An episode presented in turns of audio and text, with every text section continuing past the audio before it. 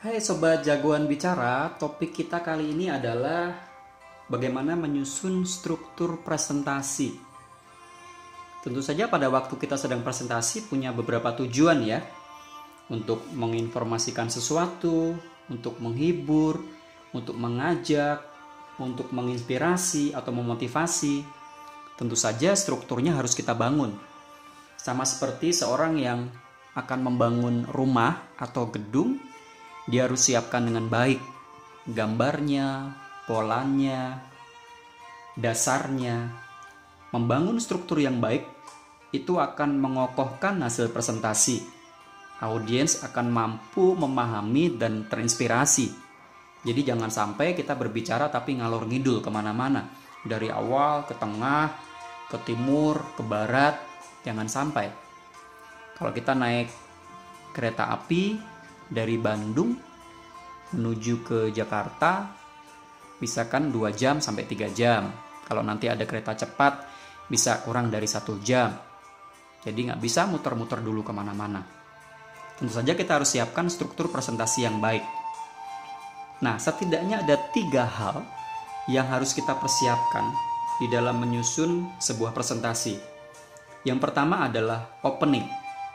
Opening ini adalah saat kita bisa menarik perhatian mereka.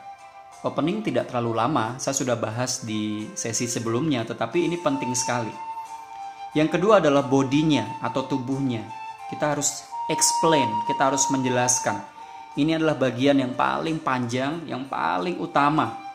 Dan kita harus siapkan semuanya dengan baik. Yang ketiga adalah call to action atau waktu kita closingnya seperti apa. Kalau kita bisa susun ini dengan baik, kita akan lebih nikmat. Nah, ada salah satu cara untuk kita menyusun struktur presentasi yaitu dengan ilustrasi. Ilustrasi adalah sebuah gambaran untuk menjelaskan sesuatu.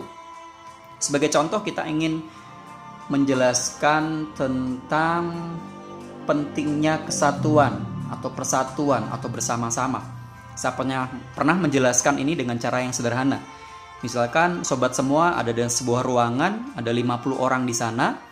Lalu setiap orang saya kasih sapu lidi, satu orang satu lidi. Yuk kita bersihkan ruangan ini. Kira-kira bisa bersih nggak sobat semua? Nggak dong ya.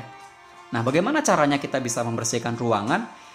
Saya ambil lidinya satu persatu, saya kumpulkan ke 50 lidi itu, saya ikat menjadi sebuah sapu, lalu kita bisa bersihkan bersama-sama. Nah, dengan ilustrasi kita bisa menjelaskan bahwa waktu kita bisa mengerjakan sesuatu bersama-sama, maka tugas yang akan kita kerjakan bisa lebih bagus lagi. Nah, ilustrasi itu berguna itu untuk menjelaskan pesan, untuk menyenangkan audiens, mengesankan kebenaran, membuat presentasi jadi menarik dan mudah diingat, menolong untuk meyakinkan, juga memungkinkan pengulangan. Jadi kalau kita ingin melakukan pengulangan-pengulangan, kita bisa lakukan itu. Jadi jangan sampai kita ngomong berkali-kali. Nah, ilustrasi ini penting. Jadi di dalam struktur presentasi, siapkan ilustrasi. Gak usah terlalu banyak sih, paling banyak dua lah dalam presentasi kita. Karena ini penting sekali audiens akan menikmati sebuah sajian presentasi yang menarik sekali. So, siapkan struktur presentasi yang baik ya. Sukses buat kita semua. Saya Andreas Agus dari Jagoan Bicara.